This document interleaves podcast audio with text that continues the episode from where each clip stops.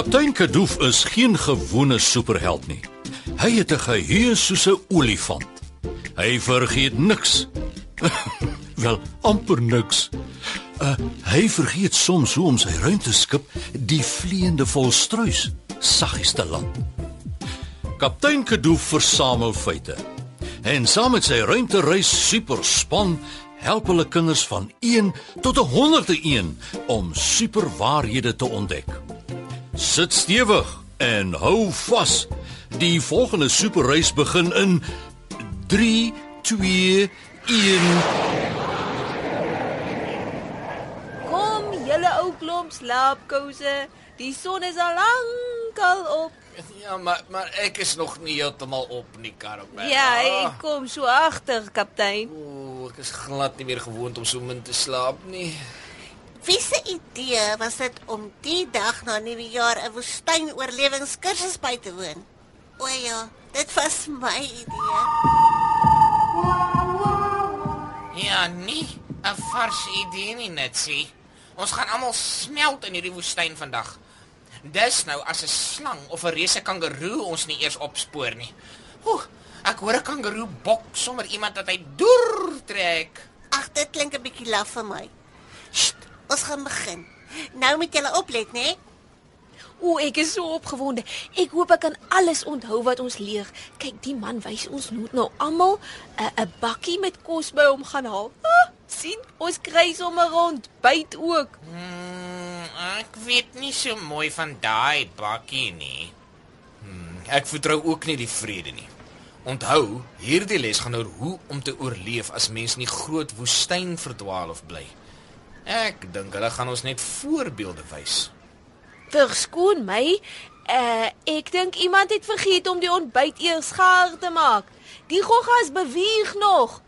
Oeh, eh, is daar nie 'n tipe wille hoendertjie wat ons kan vang en dan maak ons 'n lekker gogga omelet nie? ek dink die toegits hou van my idee. Goggas. Oh, le- le- lewendige goggas. O, oh, sies julle. Net sien. Kyk nou op wat 'n grillerige noot dat jy ons nuwe jaar begin. Ek is jammer, Frotrot. Ek het nie geweet ons gaan moet goggas eet nie, okay? En nou, Karamella, wat moet ek met hierdie springkanagtige gogga maak? O, jy knyp sy bene so vas en dan sit jy hom in jou mond en uh kou. Ek het nou net een gehad. Dis nogal lekker. 'n Proe soos 'n hoendervleertjie en 'n spoon op vol proteïene. Ek kan nie glo ek doen dit nie. Maar nou ja, ek reken hierdie is goeie maar grillerige feite om te versamel. Kyk, Frotrot. Kaptein Kativeta springkaan. As julle my een laat eet, dan kla ek julle aan vir diere mishandeling. Ek's ernstig. Grappies op 'n stokkie. Nee, nee regtig. En wat dink jy, kapteintjie? Dis hom. Is eintlik nogal lekker, ja. uh, 'n uh, baie natuurlike peselappie. Uh, kan ek een van daai krieke probeer? Ek hou nogal ook van hulle. Hulle proe so bietjie soetig. Ah, nou laat ek probeer. Ek kan my oë nie glo nie. Nou het ek alles gesien, Frotrot. Ek dink daardie man roep jou nader. Jep. Jy met jou bakkie gaan haal. Wat? O oh, nee. Dis 'n nagmerrie. My grootste nagmerrie het sopas waar geword. O, oh, as my hart dalk gaan staan, sê net vir my ma gesien ek is lief vir haar. En en dit was ek wat die suikerpot vol sout gemaak het vir haar fonkelrot tee. Maar maak net eers seker ek is dood voordat jy dit vir haar sê, anders kry sy my dalk nog beet later. Hou op om so dramaties te wees, Frotrot. Ek gaan haal jou bakkie. Kom ons leer wat ons kan en kry die grillspil ook so gou as moontlik verby. Kyk, ons goggas is mooier as karamella se en hulle is klaar dood. Ooh, ek is seker die rooi proes is aardbeie en die helder gele proes is piesang. Frotrot, wag. Jy het nie geluister wat die man sê nie. Hierdie is 'n voorbeeld van giftige goggas. Hæ? Regtig? Ja, dis reg, Frotrot. Mens moet altyd baie versigtig wees vir insekte wat baie helder kleure het. Dis die natuur se manier om ons te waarsku teen gevaar. Jy weet, net soos 'n oranje of 'n rooi lig ons waarsku teen gevaar. Sjoe, dit was amper. Hmm. Te amper. Maar ek het my les geleer. So duidelik werk die oorlewingskursus dan nou vir my. Hoor, hoe so ver het hulle een rot laat oorleef. Ja, nou volgende op die oorlewingsprogram gaan hulle ons wys hoe om water op te spoor, julle. Het julle geweet? 'n Mens kan nog sonder kos gaan vir 'n rukkie, maar nie sonder water nie, né? Water is baie belangrik vir ons oorlewing. Sonder water kan 'n mens nie lewe nie. Kom julle, ons moet die kant toe stap. Uh, waar is Frotrot? Hy was 'n minuut terug nog hier. O nee, ek weet nie of Frotrot al reg is om op sy eie in hierdie wilde woestyn te oorleef nie.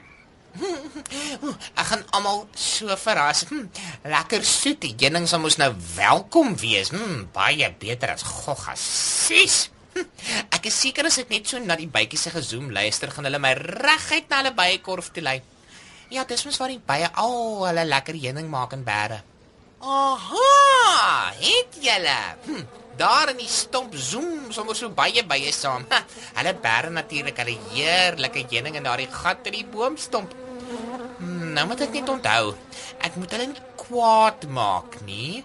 Ek moet nie die koning hin byseer maak nie. En ehm um, ehm um, nou wat is die derde ding nou weer? Ag, ek kan nie onthou nie. Goeiemiddag bye van Australië. Ek kom in vrede. Ek wil asseblief vra of ek bietjie van julle heuning mag kry en ek wil vir julle sê dat julle koning in beeldskoon en slim is. Daar sê. Mooi gevra, goeie maniere en ek het selfs die koningin by gekomplimenteer. 'n Wenresep. Hallo? Enige iemand? Dis snaaks. Ek kan nie onthou dat dit bewolk was nie. Hoekom is dit skielik so donker? Daar's daar's 'n hele swarm baie bo my kop. Nou onthou ek wat nommer dit 3 was van my lysie. Maak altyd seker dis heuning baie en nie perde baie nie. Help! Help! my! En toe ons so vervrotrot in die swerm perde by is en aangestorm kom, toe weet ons hier kom groot moeilikheid aan. Dit klink al te verskriklik. Maar toe, net soos Frotrot na ons toe aangehardloop kom toe ontdek ons toegids 'n poel water en ons almal gaan spring toe daarin. Het dit gewerk? Ons moes nog al lank ons asem ophou, maar daar's se drie draaie oor die poel het die swarm baie uiteindelik opgegee. Arme Frotrot het hom behoorlik flou geskrik. Ja, jammer juffrou by. Ek, ek, ek bedoel u majesteit. Ek dink die rot gaan nog so 'n rukkie vat om by te kom, julle. Hy het 'n paar keer vandag al sy lewe vir hom sien verbyflits. Intussen wil ek julle vertel van Jesus se neef Johannes. Kyk, hy het geweet hoe om in 'n woestyn te oorleef. Hy was 'n bietjie ouer as Jesus en het amper groot geword in die woestyn en geleef op springkane en heuning. Hy het diere gejag en sommer daarvan vir hom klere gemaak. Johannes was baie lief vir God. En hy het geweet sy neef Jesus was deur God na die aarde toe gestuur met 'n baie spesiale werk. Nou baie mense het langs die rivier na Johannes kom luister. Dan het hy hulle vertel van al die wonderlike goed wat God al gedoen het. As hulle besluit het om God te vra om hulle te vergewe van hulle sonde, het Johannes hulle gedoop in die water om te wys dat God ons 'n nuwe begin kan gee. Daarom het mense hom Johannes die Doper genoem. Eendag besoek Jesus toe sy neef Johannes en vra hom toe om hom ook te doop. Johannes het baie skaam gevoel. Jesus is dan klaar perfek. God het hom dan self gestuur. Maar Johannes het vir Jesus gedoop. En God het met sy eie stem met die hemel gepraat en vertel hoe trots hy is op Jesus.